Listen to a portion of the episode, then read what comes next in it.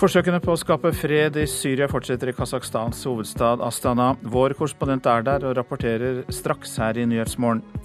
Nye regler for pensjonskassene kan tappe dem for milliarder av kroner hvert år. Og du får høre mer om at flere sliter med å betale regningene sine. Tvangsinnkrevingene øker. Og I dag blir det altså klart om eh, filmen 'Kongens nei' nomineres til Oscar eller ikke. I studio, Øystein Heggen. Ja, Det skjer altså i Kasakhstans hovedstad Astana, forsøkene på å skape fred i Syria. Og håpet er å skape en varig våpenhvile. I går møttes eh, disse motpartene for første gang ansikt til ansikt etter mer enn fem år med krig. Og korrespondent Morten Jentoft, du er der. Eh, kom det noe ut av samtalen i går? Ja, altså ifølge en vestlig eh, diplomat som nyhetsbyrået AFP har snakket med, det er jo veldig lukkede forhandlinger, dette er ikke lett å komme til dem som, eh, som er inne der, så var det eh, positivt. Det var et bedre resultat enn det mange kanskje hadde fryktet. Eh, eh, Jehia al-Aridi, som er en pressetalsmann for opprørsgruppene som er til stede her, han sa til nyhetsbyrået AFP at det ikke er noe gjennombrudd, mens den russiske delegasjonslederen Aleksej eh, Lavrentjev han sa at det første dag av møtet var positivt. og Det er klart at det eh, at vi kunne se bildet av disse motpartene i konflikten sitte rundt samme bord, det er jo et, et, et lite gjennombrudd. Selv om forhandlingene senere på dagen i går da skjedde separat og ikke direkte mellom den syriske regjeringen og opprørsgruppene. Så er det da meningen at man da skal forsøke å hamre ut et slags kommuniké i dag, som ventelig først og fremst vil handle om hvordan styrke den våpenhvilen som er, og eventuelt da også definere ut hvilke grupper som man skal fortsette kampen mot, som defineres som terrorgrupper. Det gjelder jo selvfølgelig den islamske staten, og det gjelder også denne gruppen eh, Fatah eh, el-Sham, som eh, man mener tidligere da hadde tette bånd til terrorgruppen Al Qaida. Men et uh, kommuniké i dag, eh, Morten Jentoft, uh, det er vel ikke akkurat det samme som en varig våpenhvile?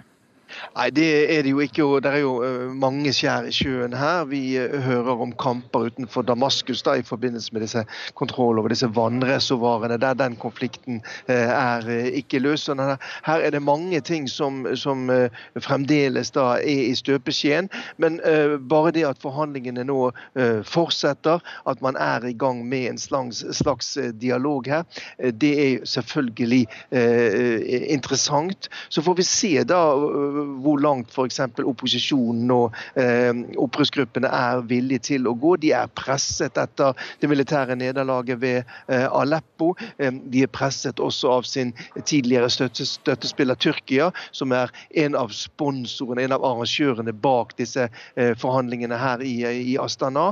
Eh, så eh, de er presset. Spørsmålet er hvor langt de er villige til å gå og komme med innrømmelser overfor myndighetene, regimet regimet i Syria. Russland og Tyrkia er arkitektene bak. Hvor viktig er dette for dem? Det er klart at det er ekstremt viktig for eh, Russland. dette her. Nå har man eh, satset tungt militært i eh, Syria. Man har lagt mye prestisje ned i disse forhandlingene her i Astana. Så det er veldig veldig viktig for Russland at man nå får til en eller annen form for avtale. Det vet selvfølgelig også opprørsgruppene. Det er deres pressmiddel her. At russerne er interessert i et eller annet kommuniké. Så spørs det da, her er det en tautrekning inntil det siste hva det skal inneholde. Mange takk skal du ha, korrespondent Morten Jentoft, som rapporterte fra Astana i eh, Kasakhstan.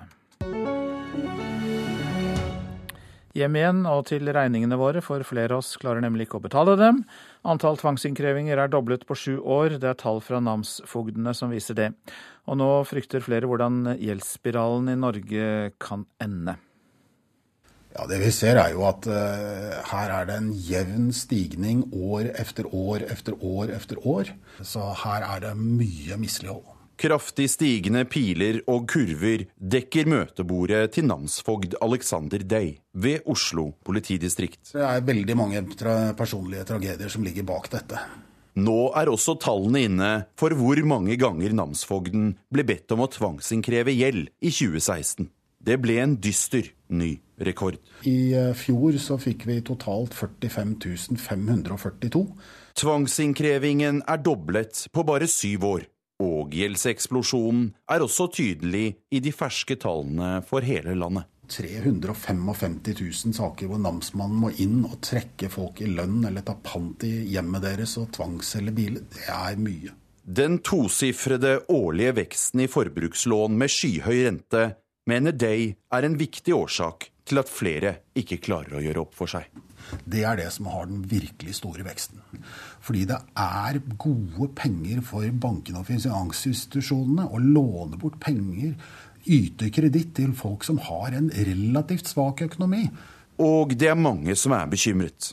Sjeføkonom Harald Magnus Andreassen i Svedbank ser innkrevingsrekorden som et symptom på hvordan gjelden løper fra inntektene i Norge. Som symptom så er forbruksgjelden en interessant affære.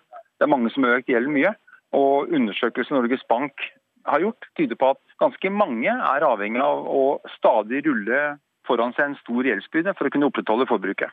Det er mange enkeltpersoner og grupper av befolkningen som begynner å komme opp i en gjeld som er ganske høy, og som gjør dem ganske sårbare. Mens sjeføkonom Jan Andreassen i Eika-gruppen mener misligholdet passer inn i det store bildet, der nordmenns långiver til både forbruk og bolig langt overstiger lønnsveksten. Og spør du meg, et ikke bærekraftig nivå. Eh, det at vi har eh, nedgang i folks eh, kjøpekraft, samtidig som vi lånefinansierer. Dette er nivåer som før eller siden må komme kraftig ned igjen. Og det spørs jo da hvordan skal norsk økonomi takle dette? Kanskje ikke så rart, da, at namsfogden venter at hans over 100 ansatte får vel mye å gjøre også fremover. Det er eh, altfor lett å få kreditt. Det er altfor vanskelig å holde kontroll når du først eh, gir deg ut på dette. Og eh, jeg ser ingen tegn til at det kommer til å snu. Reporter Sindre Heirdal. Så går vi til avisene. Og Vi skal høre mer om tidenes beste salg av en norsk pille. Det kan vi lese om i Finansavisen. Lege og forsker Anita Koss ved Betanien hospital i Skien har solgt rettighetene for sin oppdagelse av en medisin mot leddgikt til et japansk selskap. Og har fått 800 millioner kroner for det. I tillegg kommer royalties.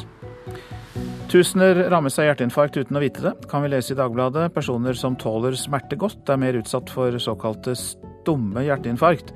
For fravær av smerte er ikke det samme som fravær av sykdom, sier forsker.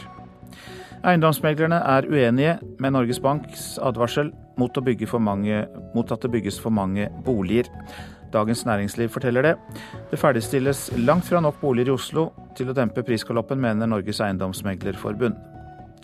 Mens den norske 339-skvadronen med Bell-helikoptre skal flytte sørover fra Bardufoss til Rygge i Østfold, så trapper britene opp sin virksomhet ved flybasen i Troms, skriver Nordlys.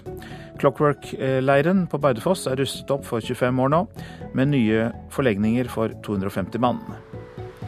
Mer strid i nord. Stormaktene vil satse i Arktis. Klimaendringene kan føre til mer konflikt.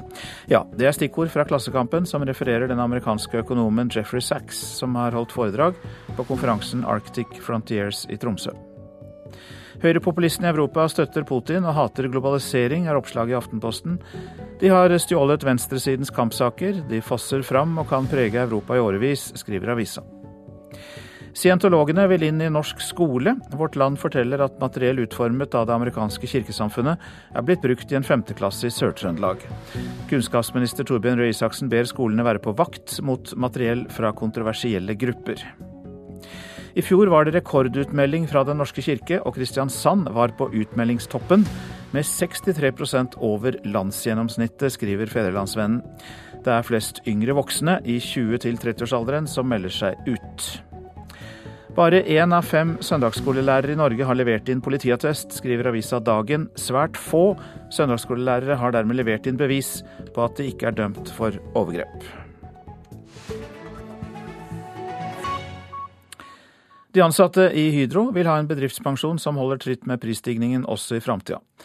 Men de og 400 andre, eller 400 000 andre pensjonister kan i stedet risikere verditap på milliarder av kroner. Det kan skje dersom regjeringens forslag til nye og strengere spareregler blir innført, mener Pensjonskasseforeningen. En av de Hydro-ansatte, Kolbjørn Havnes, forklarer hvorfor arbeidstakerorganisasjonene er så negative til forslaget fra regjeringen. Det vil jo føre til at kapitalforvaltning som driver eh, investeringene for Hydros pensjonskasse, de må redusere eh, aksjeandelen, selge aksjer og gå over i mer rentepapirer. Og det vil gi eh, mye lavere avkastning. Matematisk sett eh, så vil jo f.eks. 2% lavere avkastning gi en bortimot 50% lavere utbetaling om, om 20 år i forhold til hvis vi hadde 2% høyere rente. Regjeringen har foreslått strengere spareregler for pensjonskassene bedriftenes sparebøsse for ansattepensjoner med over 300 milliarder kroner i sparekapital.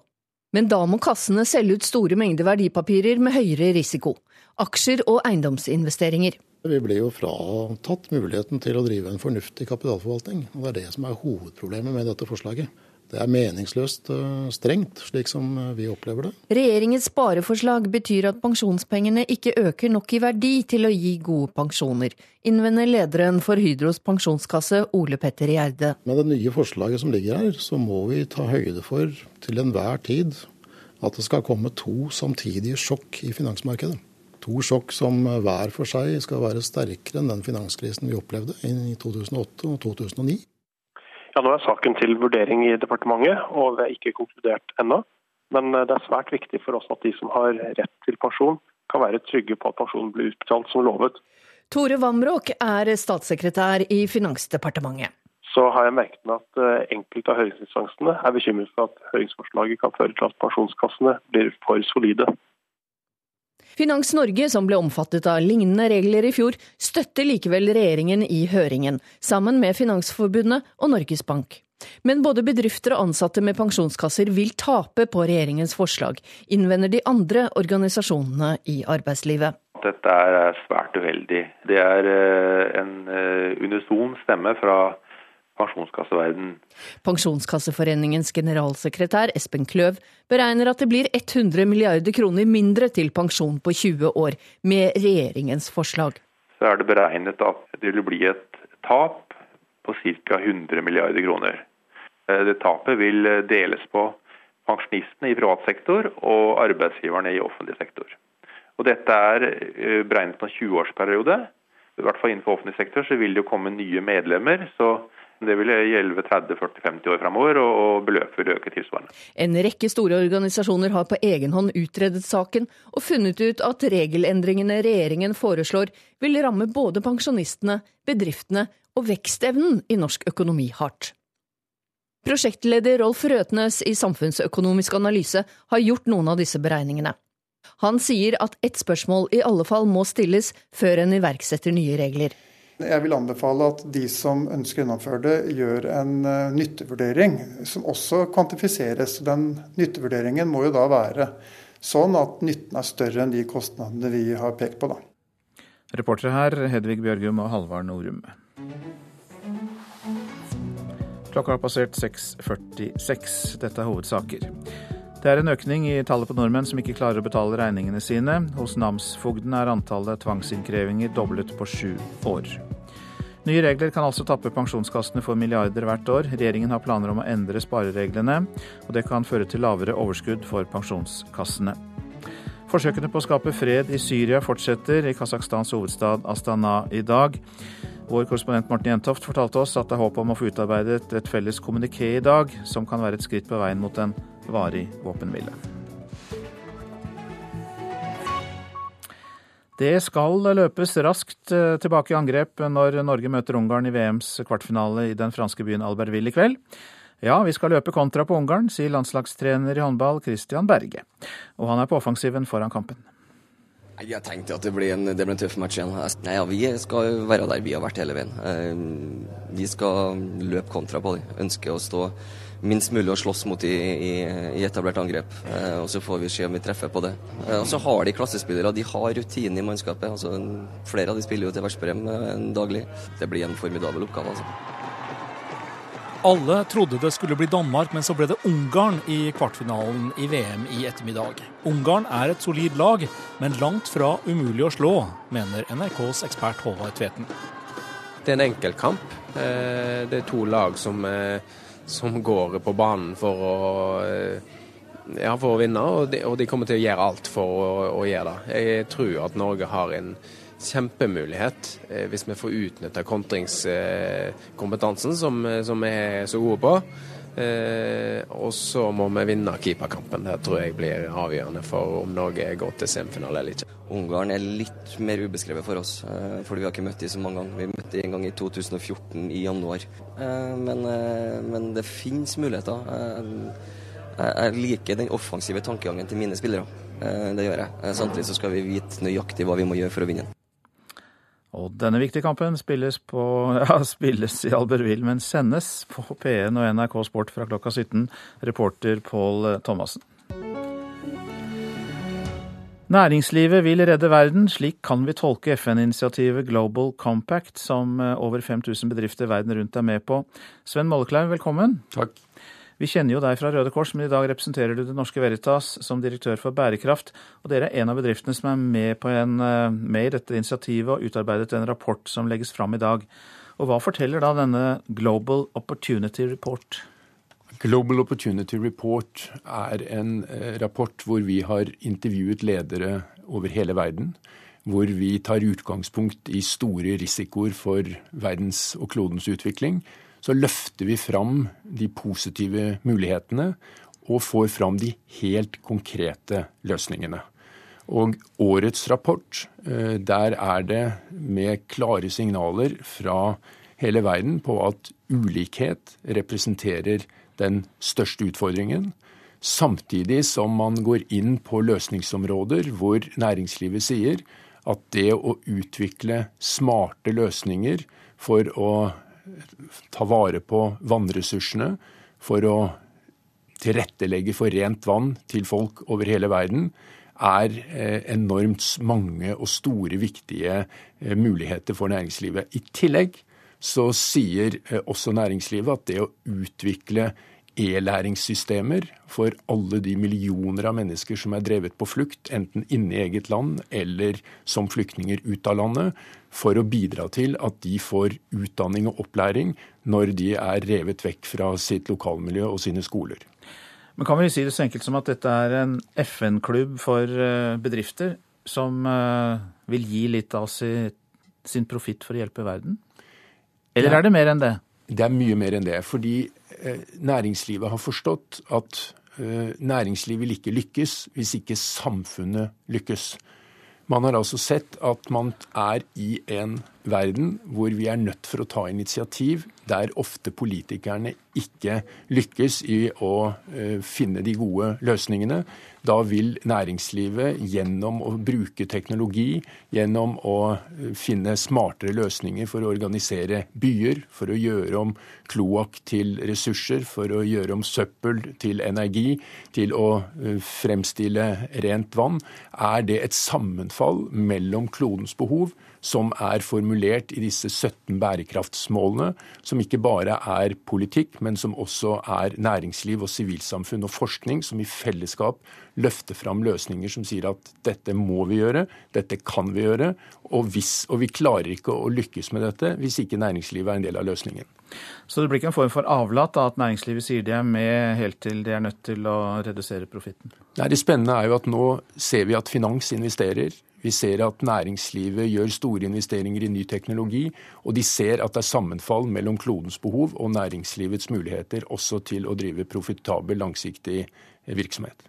Global Opportunity Report, eh, takk skal du ha, Sven Mollekleiv, som er direktør for bærekraft i eh, Det Norske Veritas, som er med i dette FN-initiativet sammen med andre bedrifter. Og så er Lilla Sølesvik kommet i studio.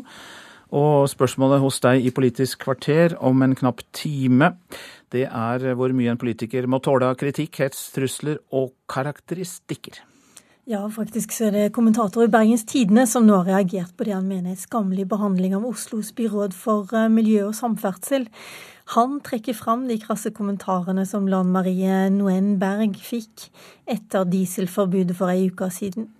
Fischer ser ikke det samme i Bergen, selv om byrådet der innfører omtrent like kontroversielle miljøtiltak. Lan Marie Noen Berg er jo blitt et hatobjekt for ytre høyre, godt hjulpet av Nettavisen, mener Mathias Fischer. Og selvfølgelig må Nettavisen svare på det. Der er de enige i at behandlingen av Berg er skammelig, men ikke at de har skyld i det. Og så skal vi selvfølgelig også høre med Lan Marie Noen Berg sjøl, som har vært i stormen siden hun tiltrådte. Hun har hele tida sagt at såpass må hun tåle. Gjelder det fortsatt, skal vi spørre. 7.45 er det i Politisk kvarter. Det var sjokkerende å se at et norsk selskap ikke ville følge loven og betale regningene sine.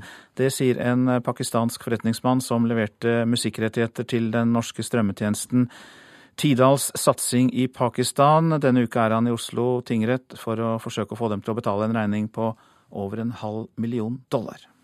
It seems they had financial problems.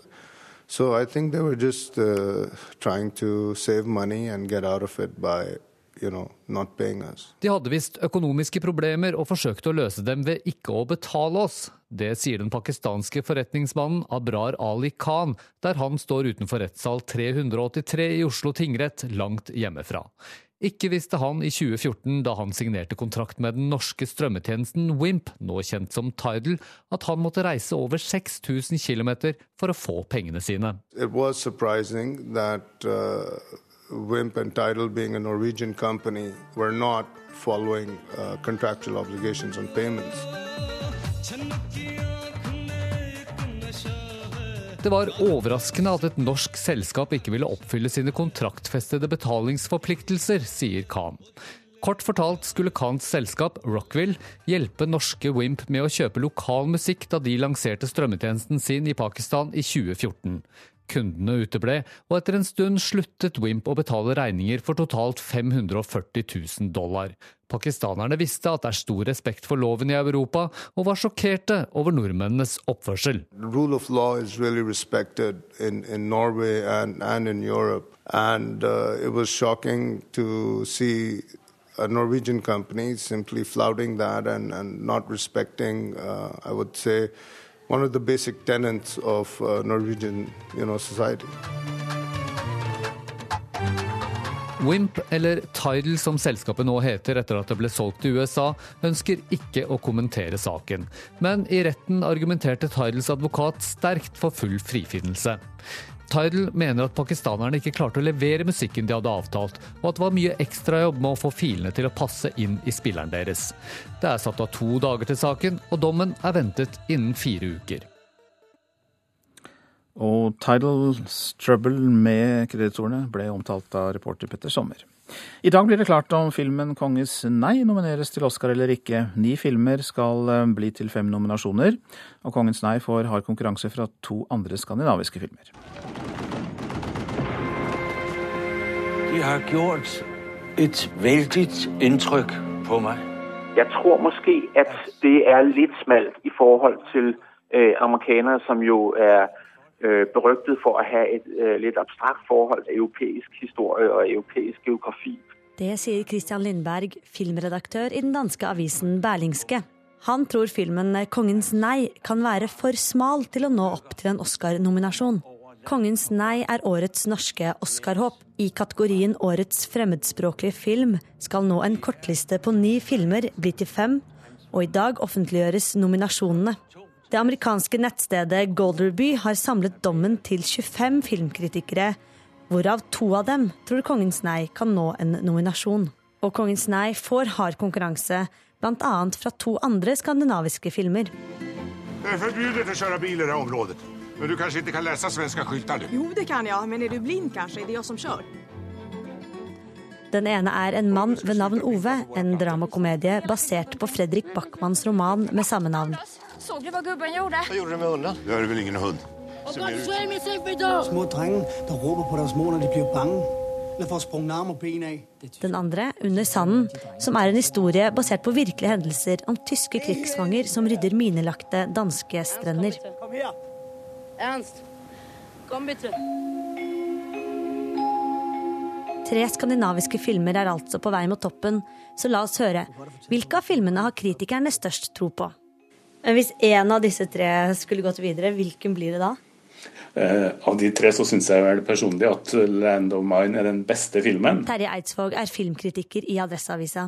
Men uh, alle de tre, tre, nordiske er faktisk solide filmer som, som, godt kan bli nominert. Lige nå tror jeg at uh, Jesper Christensen i Kongens nei har de beste sjanser. Det sier Nils Frid Nilsen, kulturkommentator i Danmarks Radio. Og norsk film er på vei frem, ikke minst takket være TV-serien Skam, som hele verden taler om. Tror du at Kongens nei faktisk kan vinne Oscar? Jeg vet at kostymefilm har det alltid svært. Der er mange der ikke kan like historiske film. Og derfor får øh, Håkon den syvende det svært. Men han er bestemt en outsider, og av de øh, nordiske film jeg ser på lige nå, kunne det meget vel bli ham øh, der gikk hen og tok den. Reporter Mari Sand Malme. Været. Østafjell stort sett opphold og lokal tåke. Fjell i Sør-Norge snø i vestlige fjelltrakter, ellers opphold og lokal tåke. På ettermiddagen sørvest liten kuling. Rogaland stort sett opphold, fra seint på ettermiddagen litt regn og lokal tåke. Hordaland øking til sørlig liten til stiv kuling, om kvelden noe minkende vind. Stort sett opphold i Hordaland, fra utpå formiddagen litt regn. Sogn og Fjordane øking til um, sørvest stiv kuling på kysten. Fra ettermiddagen liten storm nær Stad. Stort sett opphold. Fra utpå formiddagen litt regn og lokal tåke. Møre og Romsdal sørvest liten kuling på kysten. Øking til sørlig sterk kuling på Sunnmøre. Stort sett oppholdsvær. Om kvelden sørvest sterk kuling langs hele kysten og litt regn. Trøndelag spredt regn, nedbør som snø i fjellet og indre strøk lengst nord. Om kvelden øking til sørvest stiv kuling. Nordland stort sett opphold. for ettermiddagen sørlig stiv kuling, etter hvert litt snø. Troms og Finnmark utover dagen øking til sørlig stiv kuling. Litt snø i Troms om kvelden, ellers opphold. Og Spitsbergen sørvest stiv kuling. Om ettermiddagen dreiende nordlig, og der blir det snø. NRK P2. Her i Nyhetsmorgen er helseminister Bent Høie allerede kommet i studio. Vi skal spørre hva han kan gjøre med plassmangelen på sykehusene som, eh, som skjer fordi flere må holdes i isolasjon, som vi hørte i Dagsnytt. Og vi skal sjekke verdens finansmarkeder, da spesielt Asia, etter at Donald Trump trekker USA fra frihandelsavtale. Og vi skal også spørre Midtøsten-forsker Hanne Egen Røiselin om virkningene av at USA kan komme til å flytte ambassaden i Israel fra Tel Aviv til Jerusalem. Og så noe mer eh, hjemlig og vinterlig. Aldri før har vi syklet så mye på vinterstid, nemlig. Ja, økningen i antibiotikaresistens fører til plassmangel på flere sykehus, ifølge sykehusene selv. For å unngå at resistente bakterier smitter, så må mange sykehuspasienter på isolat eller i enerom. På kreftavdelingen på Universitetssykehuset i Nord-Norge, UNN, fører det til at andre pasienter havner på gangen. Alle sammen vil jo slippe å ligge på døtta på en korridor. Og da er det faktisk bedre å få lov å komme inn hit. Oversykepleier Bente Liss Roaldsen viser kontoret kreftsyke pasienter som ligger på gangen, kan sove på om natta. Uten vindu og uten eget toalett. Det har blitt trangere om plassen på avdelinga de siste årene. En årsak er at stadig flere av pasientene er bærere av resistente bakterier og må på isolat eller enerom for å unngå videre smitte. Enerom er det ikke nok av, og da havner andre pasienter på gangen, forteller Roaldsen. Da er det jo faktisk sånn at vi nesten daglig bryter eh, faktisk kravene til både smittevern og brannvern. NRK har snakka med de fire største sykehusene her i landet. Smittevernavdelingene både på UNN, Haukeland i Bergen og Oslo universitetssykehus forteller det samme. Stadig flere pasienter kommer inn med resistente bakterier, og det fører til plassmangel. Og det kommer ikke til å bli bedre fremover. Totalmengden av pasienter i sykehus som må isoleres, ut ifra dagens rutiner, den vil bli ganske stor sier resistens- og smittevernforsker ved Folkehelseinstituttet Petter Elstrøm. På ti år har antall nye tilfeller av antibiotikaresistente bakterier hos personer økt fra 613 til 2701. Å være bærer er ikke farlig, men på sykehus med svake pasienter kan resistente bakterier føre til infeksjoner som ikke lar seg behandle. Vi nærmer oss nå en situasjon hvor dette begynner å bli vanskelig og det, hvor det vil bli vanskelig å opprettholde de gode smitteverntiltakene vi har i Norge i dag. Er det farlig? Da vil vi se konsekvensene. Eh, vi vil få flere alvorlige infeksjoner som er vanskelig å behandle. Og Da fører det lettere til komplikasjoner av infeksjonen og en høyere risiko for at pasienter dør av infeksjonen. På Oslo universitetssykehus blir skåla med bakterier fra pasienter sjekka for resistens. Hver uke oppdager de i snitt elleve nye resistenstilfeller. Skal pasientene legges inn, betyr det isolat og enerom. Når det er mangelvare, blir tosengsrom brukt som enerom, og mindre akutte innleggelser blir utsatt, ifølge smittevernoverlege Egil Lingås. Og Da går jo det på, på bekostning av kapasiteten på sykehuset. Får jo ikke da de som står i kø for å få den plassen, de kommer ikke inn. Vi prøver jo selvfølgelig hele tida å tenke smittevern og god hygiene, og eh, gjøre det beste for pasientene våre. Eh, men at det er en betydelig utfordring, det vil jeg ikke legge skjul på. Reportere var Marit Garfjell og Marit Gjelland. Helseminister Bent Høie, velkommen hit. Takk for det. Antibiotikaresistens fører til at flere pasienter må isoleres eller på enerom. Betyr dette at din kamp for å fjerne korridorpasientene og skaffe flere vanlige pasienter i enerom er tapt? Nei, Den er ikke tapt, for de som òg kommer fram på denne reportasjen, det er ikke bra verken for eh, pasientene eller for helse, og sikkerheten for de ansatte å ha Eh, korridorpasienter. Og de nye sykehusene som nå eh, bygger, de bygges jo i stor grad med enesengsrom. Eh, og derfor så får en en helt annen fleksibilitet enn det som en har på en del av de eldre, eldre sykehusene. Og så er det òg mye som kan gjøres på måten en organiserer pasientbehandlingen i sykehusene. Men det er ingen tvil om at antibiotikaresistens vil innebære en stor utfordring for sykehusene våre i årene framover. Bl.a. som et resultat av at vi som befolkning reiser mye mer. Og når vi kommer hjem, har med oss f.eks. antibiotikaresistens fordi vi har oppholdt oss i utlandet eller blitt skada i utlandet. Men er det da nødvendig med enerom eller isolat? Ja, altså de smittevernreglene som er på sykehusene i dag, de er jo faglig basert, så det er ikke jeg som bestemmer de. Eh, men eh, dette er jo viktige tiltak bl.a. for å skjerme pasienter som f.eks. kreftpasienter som har nedsatt immunforsvar, nyfødte og vi har jo sett eksempler eh, på sykehus som har opplevd at, eh, at pasienter har fått eh, smitte på sykehus. Så nå er jo òg en del av dette bildet heldigvis at vi ser at sykehusinfeksjoner faktisk går ned. Sånn at det store bildet er at en del av de tiltakene som gjøres, og den gode jobben som gjøres av smittevernslegene på sykehusene, gir resultater. Det er jobben på sykehusene, men gjøres det nok med tanke på å redusere antibiotikabruken, som da ligger bak dette med at vi får flere som får antibiotikaresistente bakterier? Uh, er det prioritert godt nok? Altså, det er ikke det, sier smittevernoverlege Egil Lingås f.eks. Jo, altså der er det jo sånn at Norge nå er helt i front. Vi har en nasjonal handlingsplan Eh, om antibiotikaresistens, der vi gjør veldig mange tiltak i Norge. Vi skal redusere bruken av antibiotika eh, med 30% innen 2020, og det er vi i rute med.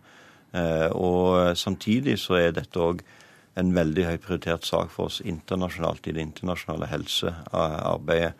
Og Norge var jo bl.a. en av pådriverne for at vi klarte å få antibiotikaresistens opp på toppnivå-møtet i FN i høst. Og vi ser nå at Eh, nå begynner heldigvis det internasjonale samfunnet å ta dette eh, på, på, alvor. Men dette er et eh, område der vi er nødt til å handle lokalt, sånn som vi gjør med vår egen handlingsplan, samtidig som vi er nødt til å jobbe globalt. Jeg har jo sagt at antibiotikaresistens er helsetjenestens klimautfordring. Den er like komplisert, og det kan ha like store konsekvenser. Du begynte med å si at din kamp for å fjerne korridorpasientene ikke er tapt, selv om det kommer flere som trenger enerom og isolasjon.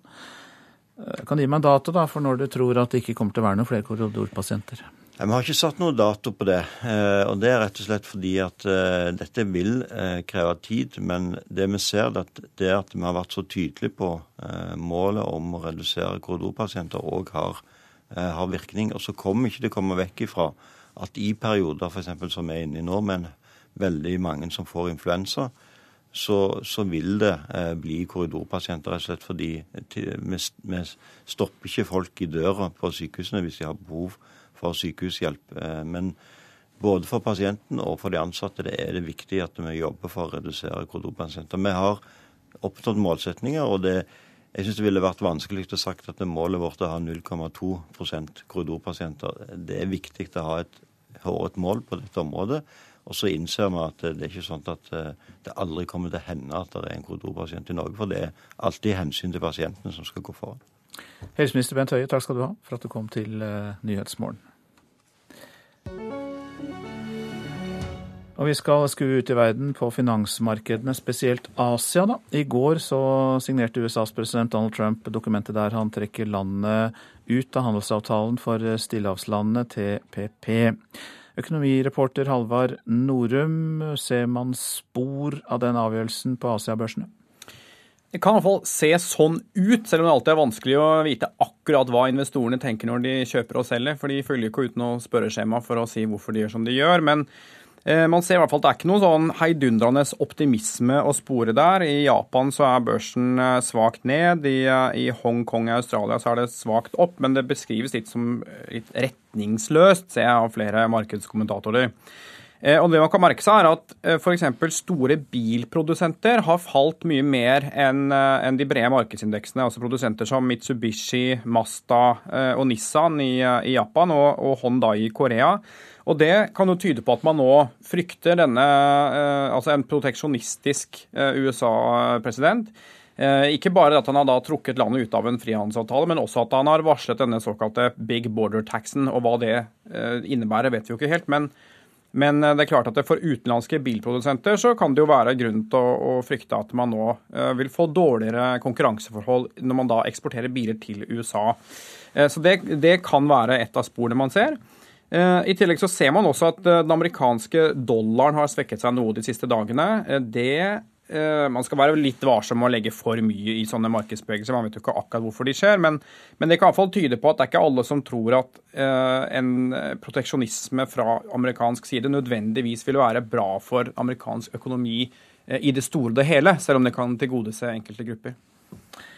Takk skal du ha, Halvard eh, Norum. Vi fortsetter med Donald Trump, for eh, han har ikke tatt noen beslutning om å flytte den amerikanske ambassaden i Israel fra Tel Aviv til Jerusalem ennå. Det sa pressetalsmann Sean Spicer på pressekonferansen i Det hvite hus i går.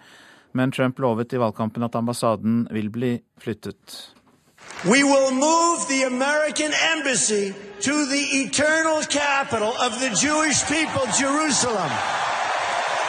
21. mars i fjor Donald Trump snakker til tusenvis av medlemmer i den amerikansk-jødiske lobbyorganisasjonen APAC. Han lover å flytte ambassaden til jødenes evige hovedstad, som han sier. Trumps ambassadør til Israel, David Friedman, er en varm tilhenger av å flytte ambassaden. Han støtter også israelske bosettinger i Øst-Jerusalem og på Vestbredden. Med utgangspunkt i israelske kilder begynte ryktene å gå i helgen om at kunngjøringen om ambassadeflytting ville komme allerede i går, men det skjedde ikke. Det kan nesten virke som om den ferske administrasjonen har fått kalde føtter. Her er Trumps pressetalsmann Sean Spicer. No decision,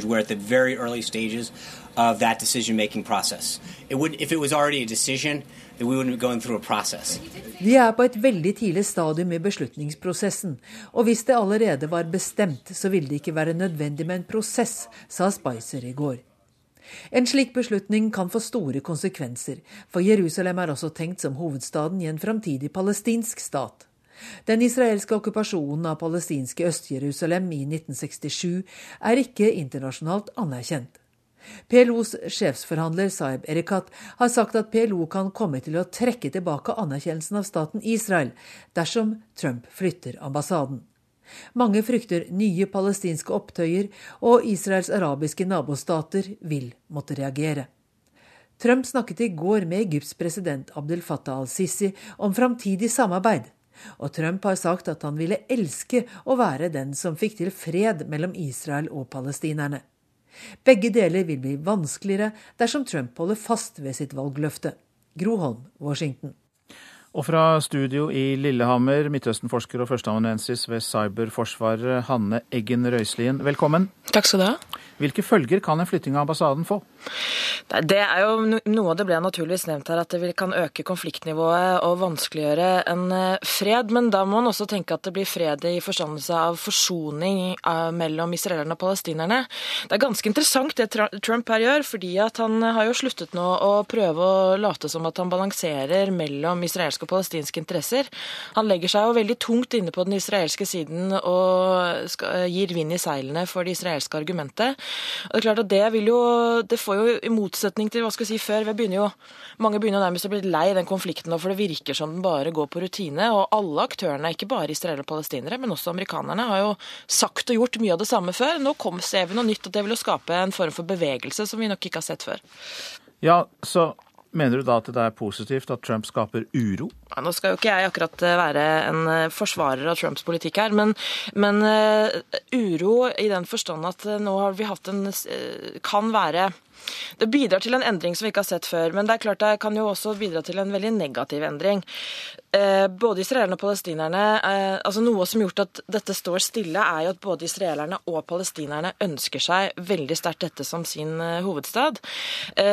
Og nå legger han seg da inn på den israelske siden. og det er klart at Israel har siden den arabiske våren egentlig ligget, vært veldig stille. Vi har hørt veldig lite derfra. Det har skjedd veldig lite. Israel har sittet nærmest på gjerdet og observert omgivelsene sine. og Nå kommer Trump og mener nye ting om Syria, og mener også ganske nye ting om hvordan den israelsk-palestinske konflikten kan løses. Så, eh, sånn sett så taler han også veldig til israelske politikere. Han snakker et løsningsorientert språk. Pragmatisk og løsningsorientert, og ikke nødvendigvis spesielt ideologisk. Hvorvidt vi liker disse løsningene og pragmatismen, er noe helt annet. Men det appellerer veldig til israelerne. Og det vil unektelig skape bevegelse, som jeg sa, og så vil vi nok kunne se et helt annet Israel enn vi har gjort på lenge. Ja, løsningsorientert, men det er jo løsningsorientering gjennom provokasjon. og Kan ikke det føre også da til eh, mer uro og til og med væpnede konflikter? Ja, det er jo åpenbart den store frykten her. Eh, fordi det er, Vi hører ganske lite om Israel og Palestina for tiden, eh, fordi at andre steder i Midtøsten er så mye verre. Men det er veldig spent i Israel og Palestina nå. Det, det skjer ting veldig ofte. Så det er et veldig Det ulmer. Så klart at dette her er jo å kaste fyr på bålet. Og vi kan jo øh, Man kan jo frykte at dette vil medføre store opptøyer. Samtidig så eh, må det framtvinge en endring i diplomatiet hvis han faktisk mener det han nå sier, og kommer til å flytte ambassaden. At det vil jo bety et forsterket Israel, og et Israel som begynner å, holde på å si, få det som de vil. Det kan bety ikke bare opptøyer, men også en mye mer aktiv bosettingspolitikk. Og det kan også bety det endelige dødsstøtet for en palestinsk stat med Jerusalem eh, som sin hovedstad. Ja, for tostatsløsningen er jo et mantra som har vært gjentatt i årevis. og Tror du da at det da kan gå mot én stat, der Israel eller jødene er den eh, virkelig dominante part eh, nærmest i all uoverskuelig framtid? Nei, jeg tror ikke på enstatsløsningen. Men jeg tror heller ikke på noen løsninger akkurat nå. Det er jo det fascinerende i den situasjonen vi har kommet i, er at vi står i en situasjon der alle løsninger er utopiske. Men en enstatsløsning som vil fungere, er veldig vanskelig å se for seg seg, i hvert fall hvis eh, Jerusalem nå blir Israels hovedstad. Ehm, så eh, det er mulig Trump skal komme med et helt nytt kort her til slutt, og komme med en gudene vet, trestad firestatsløsning. Men eh, jeg er mer på at nå må vi tenke også hva slags typer tostatsløsninger vi skal ha på nytt. Israelerne ønsker seg jo faktisk en tostatsløsning. Eh, alle undersøkelser tilsier at de ønsker seg det. Men ikke nødvendigvis den tostatsløsningsformen, hvis man trekker opp kartet etter 1967-grensene, som det internasjonale diplomatiet ønsker seg. Så det er klart at det er mulig man skal tenke ganske mange kategorier og løsninger på nytt her nå. Takk skal du ha, Hanne Eggen Røiselien, som er Midtøsten-forsker og førsteamanuensis ved Cyberforsvaret. Nyhetsmorgen er dette, og klokka er 7.20 straks. Flere pasienter blir innlagt på sykehus med antibiotikaresistente bakterier og må ha enerom. Det fører til at andre pasienter havner på gangen. Men kampen for å fjerne korridorpasienten er ikke slutt, sa helseminister Bent Høie her i Nyhetsmorgen. Et bolighus i Mandal står i full fyr. Brannvesenet sier nå til VG at alle beboerne i huset er eh, gjort rede for. Og nye regler kan tappe pensjonskassene for milliarder av kroner. Regjeringen har planer om å endre sparereglene, og det kan føre til lavere overskudd for pensjonskassene.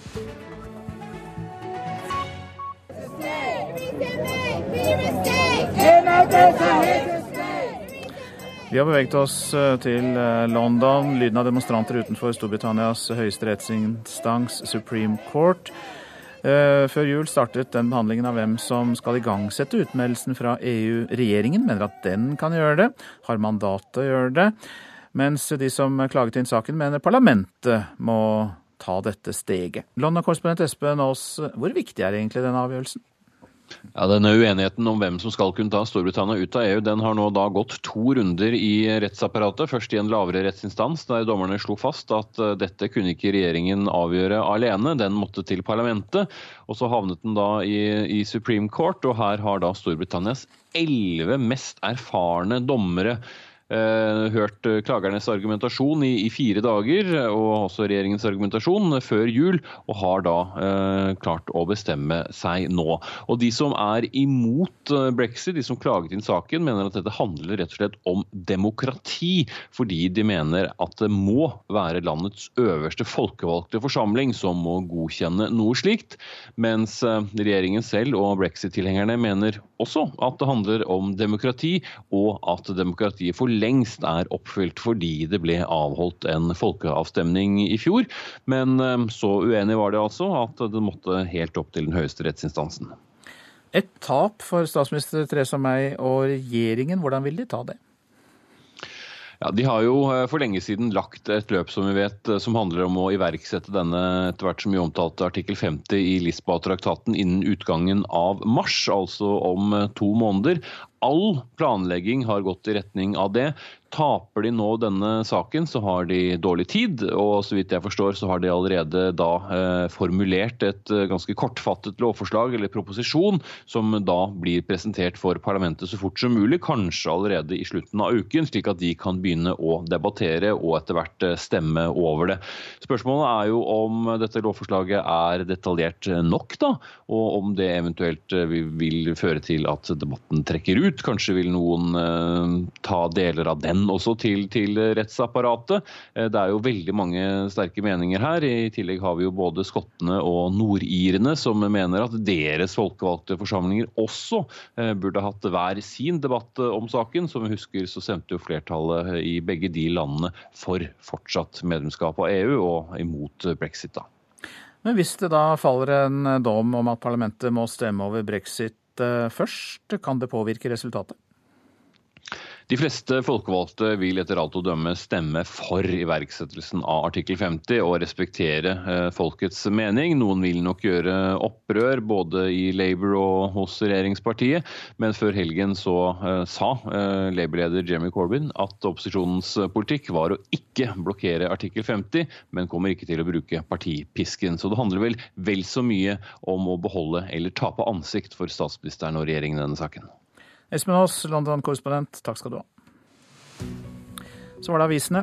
Tidenes beste salg av en norsk pille kan vi lese i Finansavisen.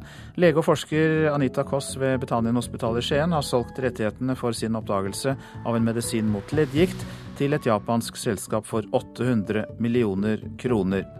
Og eh, kommer i tillegg så kommer eh, royalty. Vi skal snakke med henne klokka 8.30 i Nyhetsmorgen. Tusener rammes av hjerteinfarkt uten å vite det, kan vi lese i Dagbladet. Personer som tåler smerte godt, er mer utsatt for å få såkalte stumme hjerteinfarkt. For fravær av smerte er ikke det samme som fravær av sykdom, sier forsker. Eiendomsmeglerne er uenige med Norges Bank og advarselen derfra om at det bygges for mange boliger. Dagens Næringsliv kan fortelle at eh, Norges Eiendomsmeglerforbund mener det ferdigstilles eh, langt ifra nok boliger i Oslo til å dempe prisgaloppen. Mens den norske 339-skvadronen med Bell-helikoptre skal flytte sørover fra Bardufoss til Rygge i Østfold, så trapper britene opp sin virksomhet ved flybasen i Troms, skriver Nordlys. Clockwork-leiren på Bardufoss er rustet opp for 25 år, med nye forlegninger for 250 mann. Mer strid i nord. Stormaktene vil satse i Arktis. Klimaendringene kan føre til mer konflikt. Ja, det er stikkord fra Klassekampen, som refererer den amerikanske økonomen Jeffrey Sachs, som har holdt foredrag på konferansen Arctic Frontiers i Tromsø. Høyrepopulistene i Europa støtter Putin og hater globalisering, er oppslaget i Aftenposten. De har stjålet venstresidens kampsaker, de fosser fram og kan prege Europa i årevis, skriver avisa. Scientologene vil inn i norsk skole. Vårt Land forteller at materiell utformet av det amerikanske kirkesamfunnet er blitt brukt i en femteklasse i Sør-Trøndelag. Kunnskapsminister Torbjørn Røe Isaksen ber skolene være på vakt mot materiell fra kontroversielle grupper. I fjor var det rekordutmelding fra Den norske kirke, og Kristiansand var på utmeldingstoppen med 63% over landsgjennomsnittet, skriver Federlandsvennen. Og det er flest yngre voksne i 20-30-årsalderen som melder seg ut. Bare én av fem søndagsskolelærere i Norge har levert inn politiattest, skriver avisa Dagen. Og Dermed er det altså få, svært få søndagsskolelærere som har levert inn bevis for at de ikke er dømt for overgrep eller andre ting. Flere av oss velger å sykle om vinteren, det viser tall fra Syklistenes Landsforening. Men det kan være utfordrende da, å sykle på snø og is. Så ved hjelp av kampanjer skal Landsforeningen hjelpe enda flere til å sykle på vinteren. Jeg har jo to allerede her som har vært inne for å legge om. Så her er det, det har vært veldig mye elsykler nå da, som har eh, valgt å legge om til piggdekk. I verkstedet på Trisport er det stor pågang av sykler som skal bli klargjort til vintersesongen. En som har merket det godt, er ansatt Jan Grøteig. Å ja, jeg bevares, ja. Det har vært en veldig økning, ja. Med gratis piggdekk og omlegging ville Buskerudbyen sammen med Trisport og andre sykkelforhandlere lokke flere syklister ut på veiene på vinterstid. Og det har de klart, sier butikksjef Trond Jensen. Det er veldig stor økning på salg av piggdekk. Eh, I fjor hadde vi en sped start. I år har det virkelig tatt av. Så ja, det har mangedobla seg, salget av piggdekk. Det har det. Ifølge Syklistenes Landsforening har lyden av sykkeldekk mot snølagt asfalt blitt vanligere i hele landet de siste åtte årene. Sykkelandelen på vinterstid, dvs. Si desember, januar, februar og mars, i 2009 den var på 1,1% Og i 2013-2014 så var den økt til 2,1% Hva tror du er årsaken til den økningen? Nei, Jeg tror jo at det, at det legges mer og mer eh, til rette.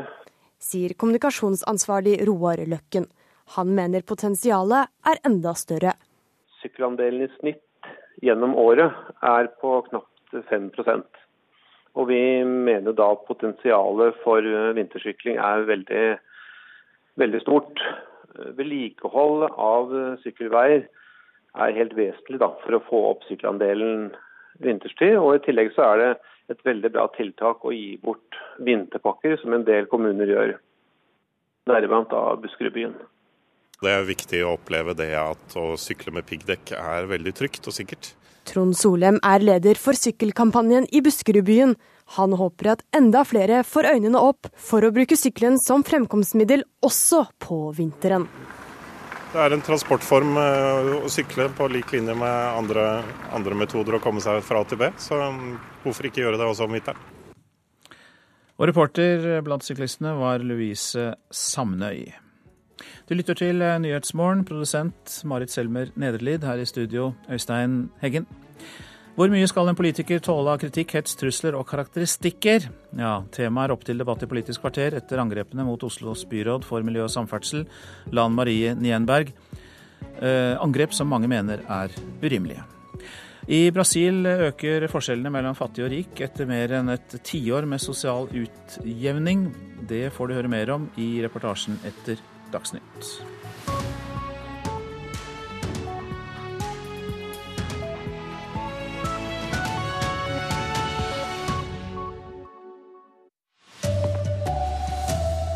Resistente bakterier fører til plassmangel og lengre behandlingskøer på sykehusene. Flere nordmenn klarer ikke å betale regningene sine. Og mange krysser fingrene for kongens nei. I dag blir nemlig nominasjonene til årets Oscar-priser offentliggjort. Her er NRK Dagsnytt klokka 7.30. Stadig flere pasienter blir innlagt på sykehus med antibiotikaresistente bakterier. Det viser tall fra Folkehelseinstituttet. For å unngå smitte så må disse pasientene ha enerom, og ved kreftavdelingen på Universitetssykehuset Nord-Norge fører det til at andre pasienter havner på gangen. Alle sammen vil jo slippe å ligge på døtta på en korridor. Og Da er det faktisk bedre å få lov å komme inn hit. Oversykepleier Bente Liss Roaldsen viser kontoret kreftpasienter som ligger på gangen uten rom, kan sove på om natta. Uten vindu og uten eget toalett. Det har blitt trangere om plassen på avdelinga de siste årene. En årsak er at stadig flere av pasientene er bærere av resistente bakterier og må på isolat eller enerom for å unngå videre smitte. Enerom er det ikke nok av, og da havner andre pasienter på gangen, forteller Roaldsen. Da er det jo faktisk sånn at vi nesten daglig bryter eh, faktisk kravene til både smittevern og brannvern. Smittevernavdelingene både på UNN, Oslo universitetssykehus og Haukeland i Bergen forteller det samme. Stadig flere pasienter kommer inn med resistente bakterier, og det fører til plassmangel. Vi nærmer oss nå en situasjon hvor dette begynner å bli vanskelig. Sier Petter Elstrøm ved Folkehelseinstituttet. På ti år har antall nye tilfeller av antibiotikaresistente bakterier hos personer økt fra 613 til 2701. Økninga vil fortsette, mener Elstrøm. På Oslo universitetssykehus blir skåla med bakterier fra pasienter sjekka for resistens. Elleve nye tilfeller oppdages hver uke, og det betyr enerom i sykehuset. Når det er mangelvare, blir tosengsrom brukt som enerom, og mindre akutte innleggelser utsatt, ifølge smittevernoverlege Egil Lingås. De som står i kø for å få den plassen, de kommer ikke inn. Reportere her det var Marit Garfjell og Marit eh, Gjelland. Helseminister Bent Høie, pasienter må altså ligge på gangen, og flere får utsatt behandlingene sine. Hvordan vil du karakterisere situasjonen? Nei, Den er vanskelig på disse sykehusene, og derfor så må vi jobbe både for å redusere antibiotikaresistens, og det gjør vi både nasjonalt og internasjonalt, samtidig som de nye sykehusene som vi bygger er bedre eh, forberedt på dette, f.eks. med at det er en betydelig større andel eh, enesengsrom. Det høres ut som om situasjonen er såpass prekær at det trengs å gjøres noe umiddelbart? Ja, men vi ser samtidig at både infeksjoner, korridorpasient og ventetid til sykehus går ned. Eh, men det er vanskelig i perioder, og det gjøres en veldig god jobb med å håndtere dette på sykehusene. Det er ikke bra for verken pasientene eller de ansattes helsemiljø og sikkerhet at det er korridorpasienter. Og Vi har som målsetning at det ikke skal være korridorpasienter på sykehusene. Og vi ser at mange sykehus òg klarer å oppnå gode resultater med å organisere pasientgjennomstrømningen i sykehuset på en bedre måte enn andre sykehus. Mener du at dette er opp til sykehusene, da? I all hovedsak så er det mye som kan gjøres på sykehusene òg. Men så sagt så er det sånn at mitt hovedansvar er bl.a. å jobbe for å redusere bruken av antibiotika. Det har vi sagt som mål å redusere med 30% innen 2020 i Norge, og det er vi godt i rute med. Og jobbe internasjonalt for å løse dette problemet. En av årsakene til økt antibiotikaresistens i Norge er jo at vi reiser mer, og det er mer antibiotikaresistent internasjonalt. Takk skal du ha, helseminister Bent Høie. Det er en økning i tallet på nordmenn som ikke klarer å betale regningene sine. Hos namsfogden har antallet tvangsinnkrevinger doblet seg på sju år, og flere er bekymret for hvordan gjeldsspiralen i Norge utvikler seg. Her er det mye mislighold. Kraftig stigende piler og kurver dekker møtebordet til namsfogd Alexander Day ved Oslo politidistrikt. Det er veldig mange tra personlige tragedier som ligger bak dette. Nå er også tallene inne for hvor mange ganger namsfogden ble bedt om å tvangsinnkreve gjeld i 2016. Det ble en dyster ny rekord. I eh, fjor så fikk vi totalt 45 542. Tvangsinnkrevingen er doblet på bare syv år. Og gjeldseksplosjonen er også tydelig i de ferske tallene for hele landet. 355 000 saker hvor namsmannen må inn og trekke folk i lønn eller ta pant i hjemmet deres og tvangsselge biler. Det er mye. Sjeføkonom Jan Andreassen i Eika-gruppen mener misligholdet passer inn i det store bildet, der nordmenns långiver til både forbruk og bolig langt overstiger lønnsveksten. Og spør du meg, et ikke bærekraftig nivå. Dette er nivåer som før eller siden må komme kraftig ned igjen. Og det spørs jo da hvordan skal norsk økonomi takle dette. Kanskje ikke så rart da at namsfogden venter at hans over 100 ansatte får vel mye å gjøre også fremover. Det er eh, altfor lett å få kreditt. Det er altfor vanskelig å holde kontroll når du først eh, gir deg ut på dette. Jeg ser ingen tegn til at det kommer til å snu. Reporter her var Sindre Heierdal. Brannvesenet driver nå med etterslokking av en bolig som brant i, Mandal i dag morges. Mannen som bodde i huset har kommet seg ut, det opplyser politiet i Agder. Nye regler kan tappe pensjonskassene for fem milliarder kroner i året. Det mener Pensjonskasseforeningen. Regjeringen har foreslått strengere spareregler for hvordan pensjonspenger skal forvaltes. Kolbjørn Havnes er ansatt i Hydro og tror både bedriften og de ansatte taper på forslaget. Jeg vil tro at vi vil begge tape. Jeg tror ikke firmaet vil ta alt på sin kappe. Så det blir en deling mellom firmaet og oss som ansatte. Regjeringen har foreslått strengere spareregler for pensjonskassene. Bedriftenes sparebøsser for ansattepensjon med over 300 milliarder kroner i sparekapital.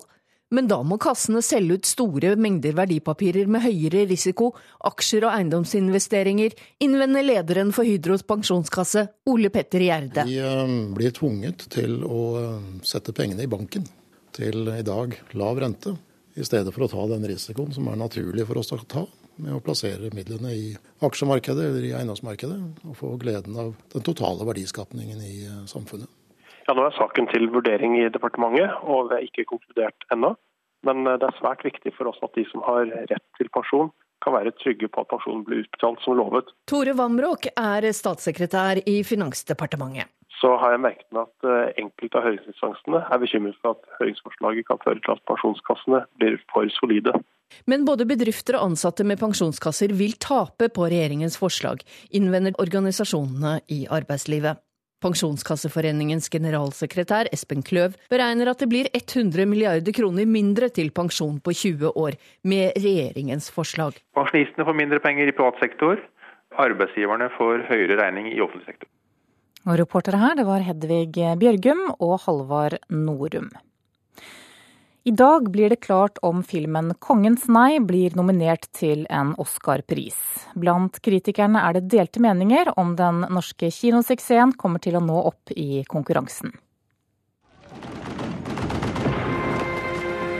De har gjort et veldig inntrykk på meg. Jeg tror kanskje at det er litt smalt i forhold til øh, amerikanere, som jo er øh, berygtet for å ha et øh, litt abstrakt forhold til europeisk historie og europeisk geografi. Det sier Christian Lindberg, filmredaktør i den danske avisen Berlingske. I kategorien Årets fremmedspråklige film skal nå en kortliste på ni filmer bli til fem, og i dag offentliggjøres nominasjonene. Det amerikanske nettstedet Golderby har samlet dommen til 25 filmkritikere hvorav to av dem tror Kongens nei kan nå en nominasjon. Og Kongens nei får hard konkurranse, bl.a. fra to andre skandinaviske filmer. Det er forbudt å kjøre bil i det området.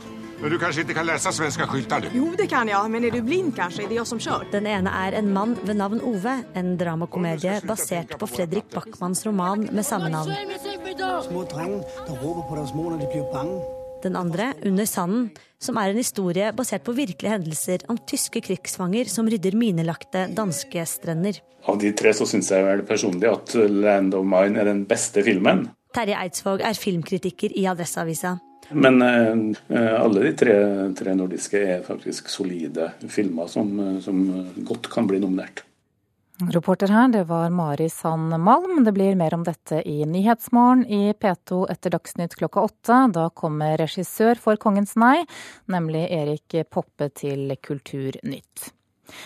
Ansvarlig for NRK Dagsnytt denne morgenen er Elin Pettersen. Teknisk ansvarlig Hanne Lunås, og her i studio Anne Jetlund Hansen.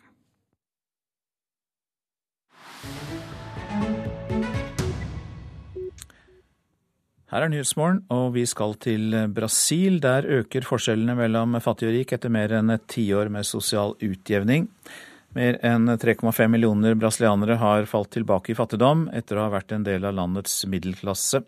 Det er tall fra Verdensbanken som viser det, og tallene ventes å stige kraftig i tiden framover. Arnt Stefansen har sendt denne reportasjen til oss fra Rio de Janeiro.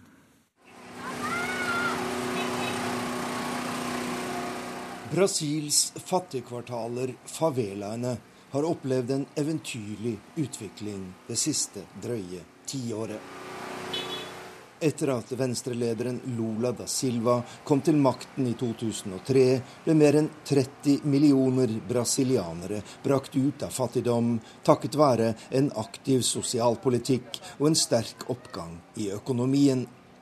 Men de siste par årene har den sosiale utjevningen stanset opp, og millioner av mennesker faller nå tilbake i fattigdom. Lokalpolitikeren Paulo Cæsar i favelaen Rosinha her i Rio ser denne utviklingen daglig. Bom, lugar, eu... mudou tudo. Mudou Alt er blitt forandret. De prosjektene som myndighetene satte i gang her i favelaen, er blitt stanset ett etter ett. Det gjelder undervisning og helse, investeringer i vei, vann og kloakk, og også sikkerhet. Det startet allerede under den forrige regjeringen fordi økonomien ble dårligere. Men vi ser det ekstra tydelig etter at høyresiden kom til makten i fjor sommer, sier den kjente lokalpolitikeren i Rosinha. Tusener av mennesker demonstrerer i gatene i Brasils største by, Sao Paulo, etter at den nye regjeringen har fått gjennom en lov som vil fryse offentlige utgifter de neste 20 årene. Denne nye loven har ført til stor bitterhet blant fattige brasilianere, og mange eksperter mener det nå settes en definitiv stopper for utjevningspolitikken her i Brasil. Paulo César i Rosinha nå en klar kursendring. Antes era para muitos. Cresceu o Brasil para muitos. E hoje é para pouquinho. Det har i mange år vært ført en politikk som har tilgodesett det store flertallet. Men nå er det de rike som profitterer. Det er de fattige som først og fremst rammes av de store økonomiske nedskjæringene som nå pågår, og vi ser en voldsom økning i arbeidsledigheten, særlig blant fattige unge, sier lokalpolitikeren. Få land i verden har større sosiale ulikheter enn Brasil. Et par prosent av befolkningen eier nær halvparten av all dyrkbar jord, og 10% av innbyggerne bruker rundt 40% av landets ressurser. Den urettferdige fordelingen opprettholdes bl.a. gjennom skattesystemet, sier daglig leder Katja Maya i Oxfam, en organisasjon som jobber for å minske forskjellene mellom fattig og rik. O Brasil tem um imposto, uma forma de cobrar os impostos que Brasil har en urettferdig måte å skattlegge innbyggerne på. Det er ingen progressiv beskatning i dette landet, slik at skattesystemet bidrar til å opprettholde de enorme forskjellene mellom fattig og rik. I de fleste andre land betaler man en høyere skattesats når man tjener mer, og slik burde det selvsagt også være her i Brasil, sier lederen for organisasjonen Oxfam. Hovedsaker i nyhetene. Flere pasienter blir innlagt på sykehus med antibiotikaresistente bakterier og må ha enerom. Det fører til at andre pasienter havner på gangen. Det er en økning i tallet på nordmenn som ikke klarer å betale regningene sine. Hos namsfogdene har antallet tvangsinnkrevinger doblet seg på sju år. Nye regler kan tappe pensjonskassene for 5 milliarder kroner i året, frykter Pensjonskasseforeningen. Regjeringen foreslår nemlig strengere regler for hvordan pensjonspengene skal forvaltes. Brannvesenet driver etterslokking av en bolig som brant i Mandal i dag tidlig. Mannen som bodde i huset har kommet seg ut. Det opplyser politiet i Agder. Og det er Politisk kvarter ved Lilla Sølhusvik nå.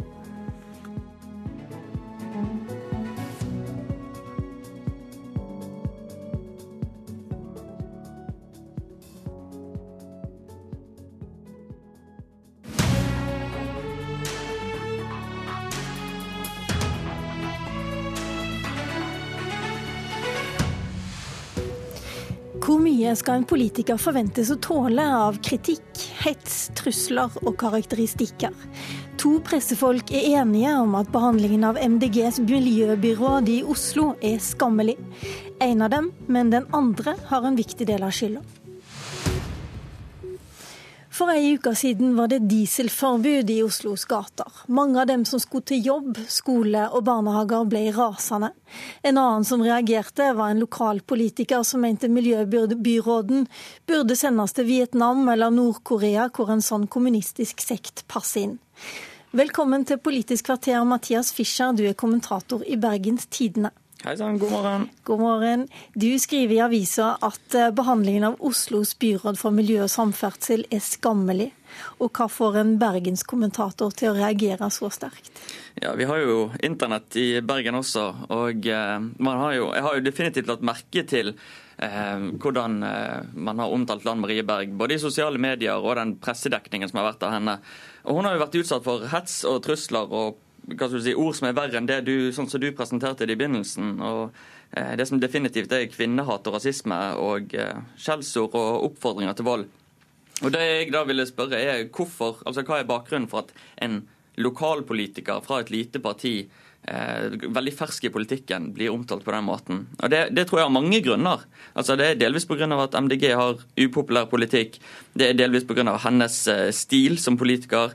Eh, og man må jo kunne si at det tror jeg har noe med at hun er en ung, pen kvinne med delvis innvandrerbakgrunn, eh, og som da samtidig er eh, smart og tøff.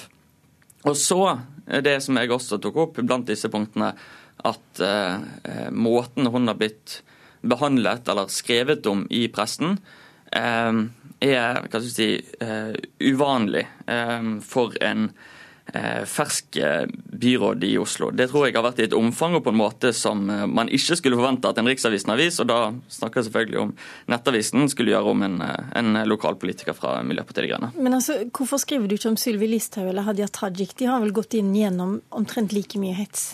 Ja, og jeg nevner, nevner Hadia Tajik. og jeg, I førsteutkastet så nevnte jeg også Sylvi Listhaug, men så ble kommentaren for lang for papiravisen. Eh, og Jeg kunne fint nevnt de, og jeg kunne nevnt veldig mange andre politikere som opplever mye hets. Men jeg tror at årsaksforklaringen er litt ulik hos de ulike politikerne.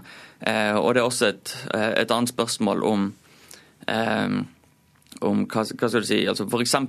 Sylvi Listhaug eller Hadia Tajik, som har en mye større fanbase enn det eh, Lan Marie Berg har, som gjør på en måte at det bildet bør nyanseres litt. jeg mener at Lan Marie Berg som eh, byrådet i Oslo for MDG er i en særposisjon, da, når du på en måte legger sammen eh, hvilken støtte hun har og hvilken motstand hun har. Eh, det, og hvilken maktposisjon han har. Jeg lurer på en annen ting. det er at altså, I Bergen så har jo datokjøring og femdobling av bompenger eh, det, det, har blitt vedtatt, og det skal innføres på de verste dagene. Det er omtrent like kontroversielt som dieselforbud.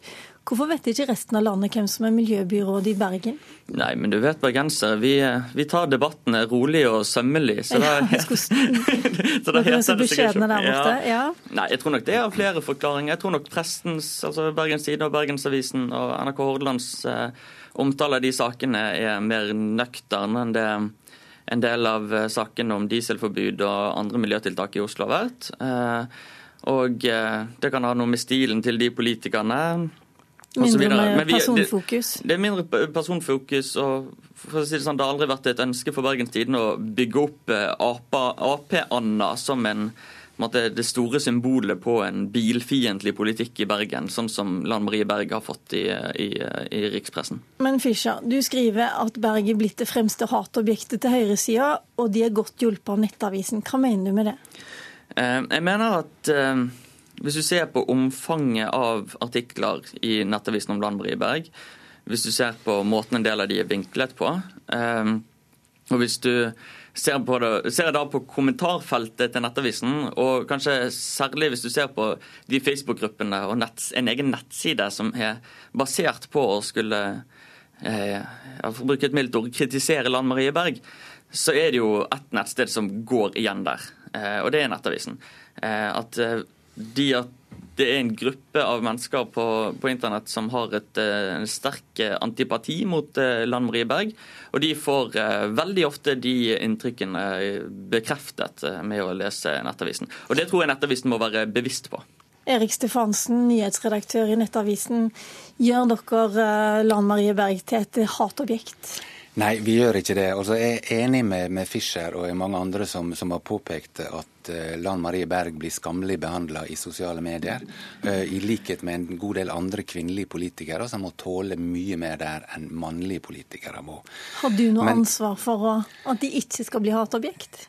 Ja, alle i pressen har det. Men det som uh, Fischer gjør her, det er at han sauser sammen vanlig kritisk journalistikk med, med rabiate kommentarer på, på, nettet. Og så er det underlig at han bruker Nettavisen som eksempel, nettopp fordi at altså, utgangspunktet for kommentaren han er, er, den ufyselige kommentaren som kom fra en Frp-politiker uh, før helga, som faktisk Nettavisen var en av de avisene, mediene i Norge som vi ikke ikke videreformidla den fordi at vi syns den var ufyselig, og fordi at vi kjenner denne politikeren her fra før. Eh, og så til det eksempelet han da bruker på helt vanlig journalistikk som, som liksom da fører til hat. Så Først så, så, eh, så nevner han Anders Magnus i NRK, fordi at han hadde et, et såkalt aggressivt intervju med henne i Valgnytt.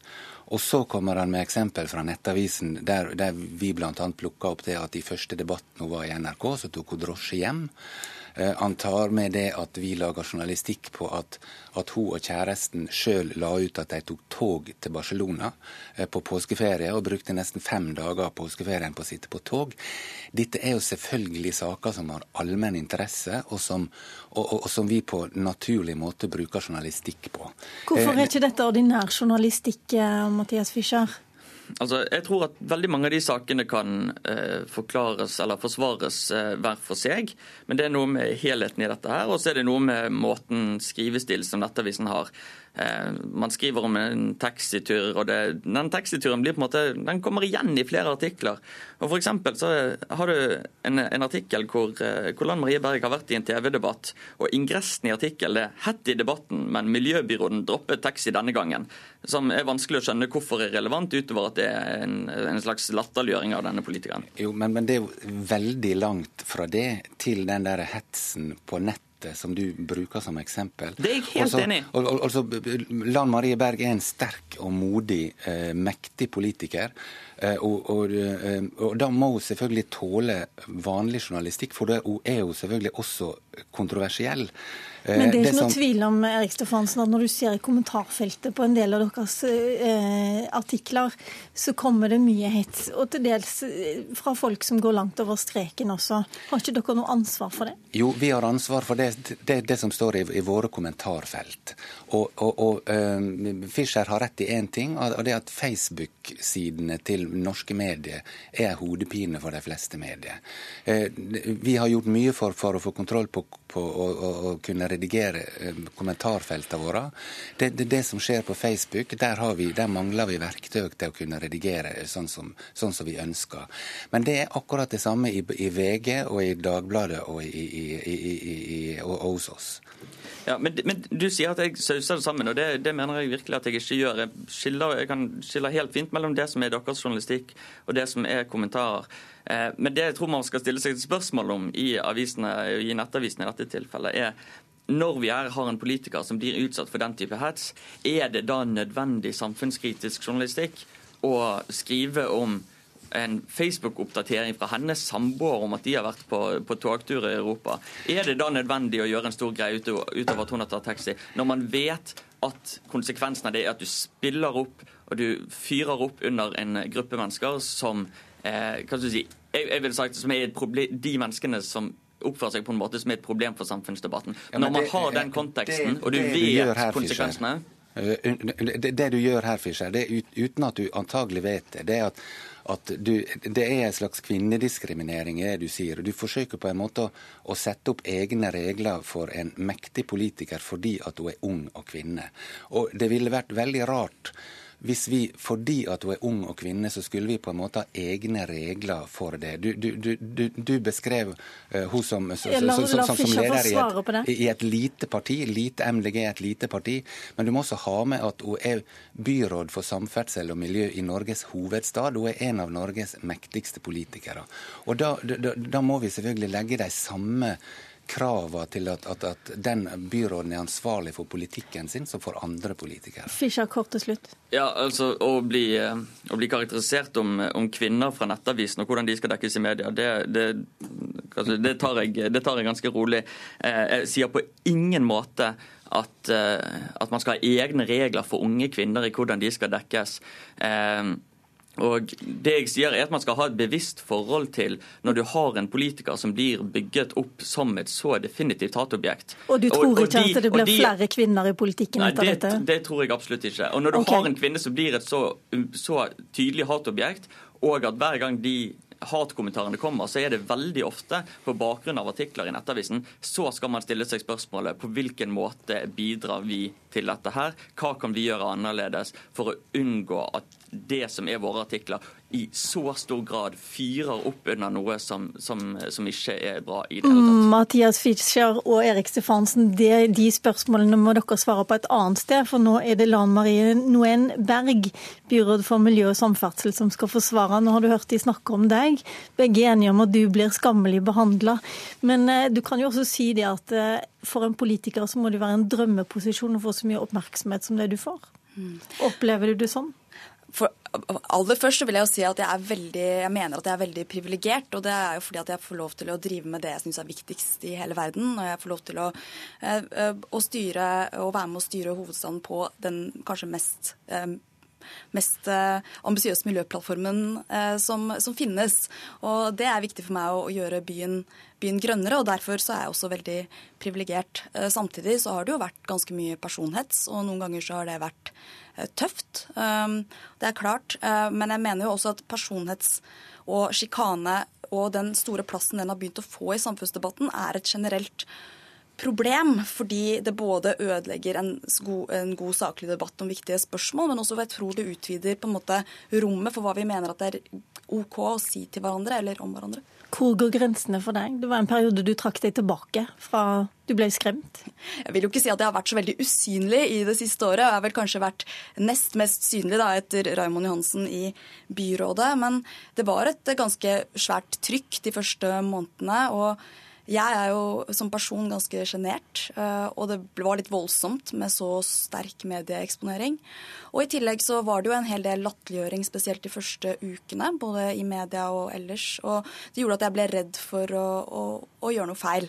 Men Men du- kanskje, bare for å si det, så er det sånn det aller viktigste grunnen til at noen journalister kanskje har følt at jeg har måttet takke nei noen ganger det siste året, har jo vært at det viktigste for meg er å gjennomføre den politikken som vi fikk framforhandlet på Østmarksetra, og det er jo det jeg også til syvende og sist kommer til å bli målt på. Mange fikk med seg ufine karakteristikker i forrige uke som kom på Facebook, men det var ikke de karakteristikkene som såra deg mest. Nei, det var ikke det som gikk på at eh, hun sa at jeg var en vietnameser-megge eller et fittetryne som var vondest for meg når jeg prøvde å tenke etter og føle på hvordan jeg ville oppleve det. Hvis hun hadde sagt det til meg personlig, det var det at jeg ble bedt om å eh, reise til Vietnam, eller at jeg måtte sendes til Vietnam eller Nord-Korea. Og det var et slags gufs fra fortiden, eh, og for meg som er født og oppvokst i Norge og ikke har noe annet hjemland enn det, så er det klart at det opplevdes jo litt fremmedgjørende, da. Men for oss som har dieselbil og ikke får kjørt ungene verken på skole eller barnehage eller eh, til trening, eller som har eh, søppelhauger som tårner seg opp, eh, så vil mange si at såpass må du tåle. Nå vil jeg aller først si at det som jeg forsøker å gjøre, og det som vi ønsker å gjøre i Oslo, er å gjøre byen bedre, med bedre luft og en bedre by å, å bo i. Men Samtidig alle kan jo jeg- ikke være enig i virkemidlene Nei, dine og for jeg, det. og jeg syns det er veldig viktig med å ha en god og saklig debatt. Og det er jo nettopp det vi trenger for å finne de beste løsningene. Og da skal en ansvarlig politiker som er tåle kritikk. Det er helt klart. Vil du anbefale å bli politikere for andre unge kvinner i 20-årene som har lyst? Du gikk fra å være totalt ukjent til å være mest googla i 2015. Ja, absolutt. Det å kunne være med å gjøre verden, eller byen sin, litt bedre, er eh, absolutt verdt det. Samtidig så må vi eh, ta tak i og gjøre noe med den eh, med sjikane og hets i samfunnsdebatten, og det mener jeg er viktig. For vi ser at dette her kan oppleves veldig skremmende uh, utenfra, men jeg kan berolige de som kan uh, synes at det er litt skummelt, med at det er ikke det er ikke så skremmende når man står i det selv. Vi får ta med oss det. I studio i dag satt Lilla Sølhusvik. Hør flere podkaster på nrk.no podkast.